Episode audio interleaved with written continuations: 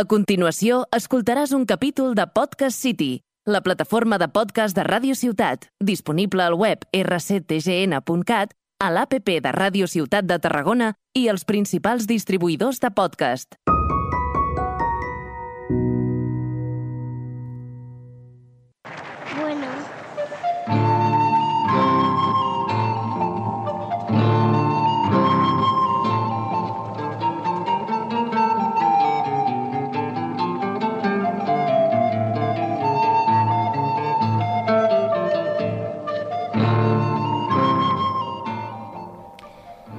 Si pusiéramos una cámara en la Plaza Cataluña de Barcelona e intentáramos tomar una fotografía que muestre algo verdaderamente objetivo, probaremos muchas cosas.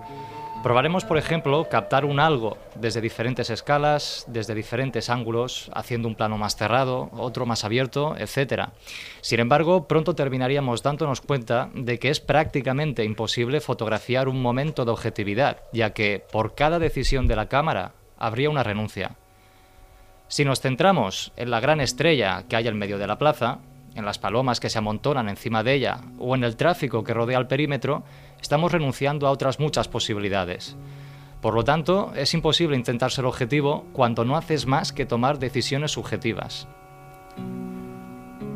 Todo esto no lo digo yo, lo dijo Luis Ayer, un cineasta, en una de las clases que imparte en la Escuela de Cine Van de Apar de Barcelona, si en la fotografía o en el cine no existe, pues, una auténtica objetividad por naturaleza de oficio, en el periodismo tampoco, igual que en la política.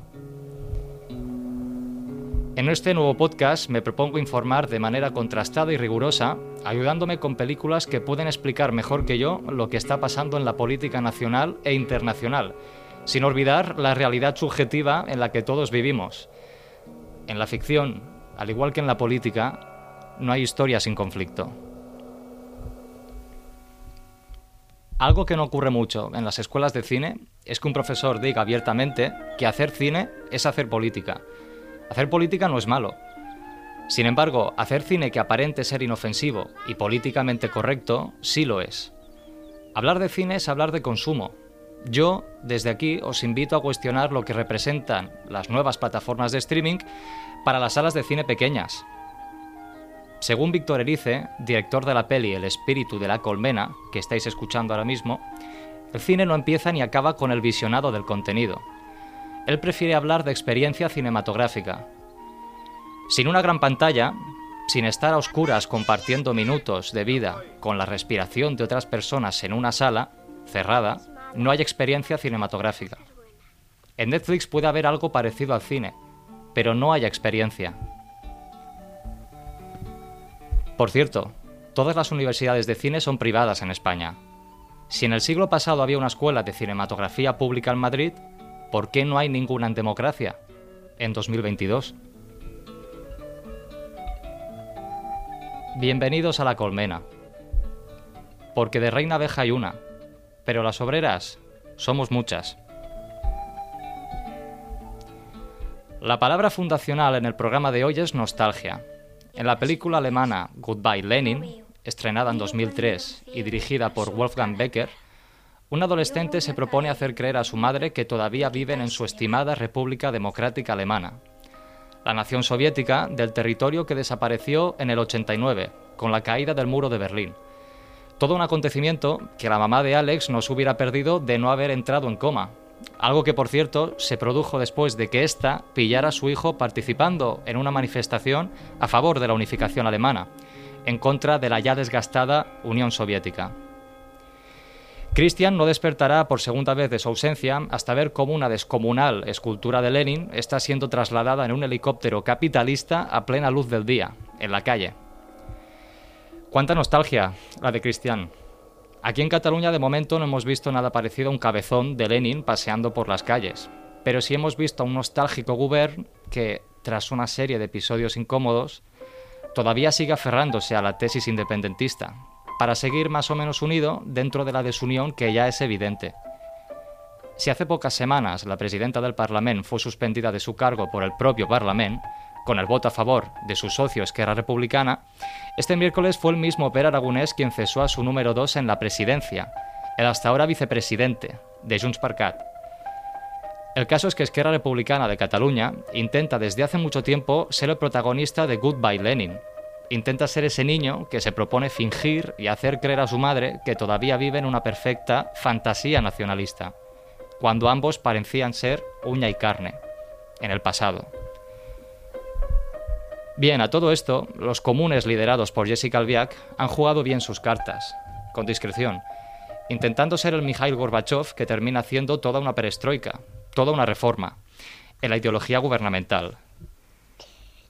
Veremos si este Gorbachev facilita también el derrumbamiento del muro, que tiene separada a la izquierda catalana. El presidente Aragonés tiene muchas opciones posibles ahora mismo. Convocar elecciones, expulsar a Junts, intentar gobernar en solitario o bien aglutinar a toda la izquierda del Parlamento para formar un renovador y reformista gobierno de coalición desde la izquierda. Quizás con En Comú Podem o con En Comú Podem y el PSC de Salvador Illa. Recordemos que aunque no tenía mayoría, fue ella quien ganó las últimas elecciones en Cataluña, aunque no pudiera formar gobierno. Teniendo en cuenta que el futuro del gobierno puede determinar las futuras relaciones con el Estado español y con los propios ciudadanos catalanes, sobre todo si se pierde por primera vez en muchos años una mayoría independentista, me atrevo a lanzar este modesto comentario a Esquerra. A vegades, ser independentista no és suficient per governar un país, una nació o una regió. Si les sigles històriques d'un partit com Esquerra Republicana no tenen més identitat que la independentista que li interessa a Junts per Catalunya, llavors tenim un problema – és precisament en moments com aquest quan s'ha de respondre finalment a l'eterna pregunta de si es pot ser més independentista que d'esquerres. Ui, perquè el problema no està en la proposta d'independència ni en la de ser independentista. El problema està en governar amb qui no té els mateixos interessos que tu. En un moment en el que més l'ultradetra també amenaça Espanya. S'ha de decidir amb quins amics vols anar, si amb els que volen pujar impostos als rics o amb els que els hi volen baixar.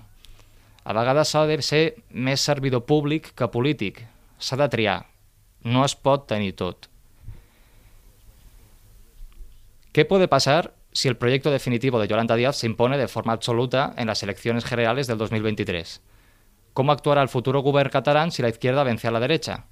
¿Estamos comenzando a presenciar el final del proyecto independentista que empezaron Artur Mas y Junqueras en 2012? Las respuestas a estas preguntas para otro programa en todo caso. Hasta aquí el podcast de hoy. Abejitas. Para más cine y política, seguid volando cerca de esta colmena, que aquí no hay rena que valvar. Ens escoltem en un altre vol. Fins aviat.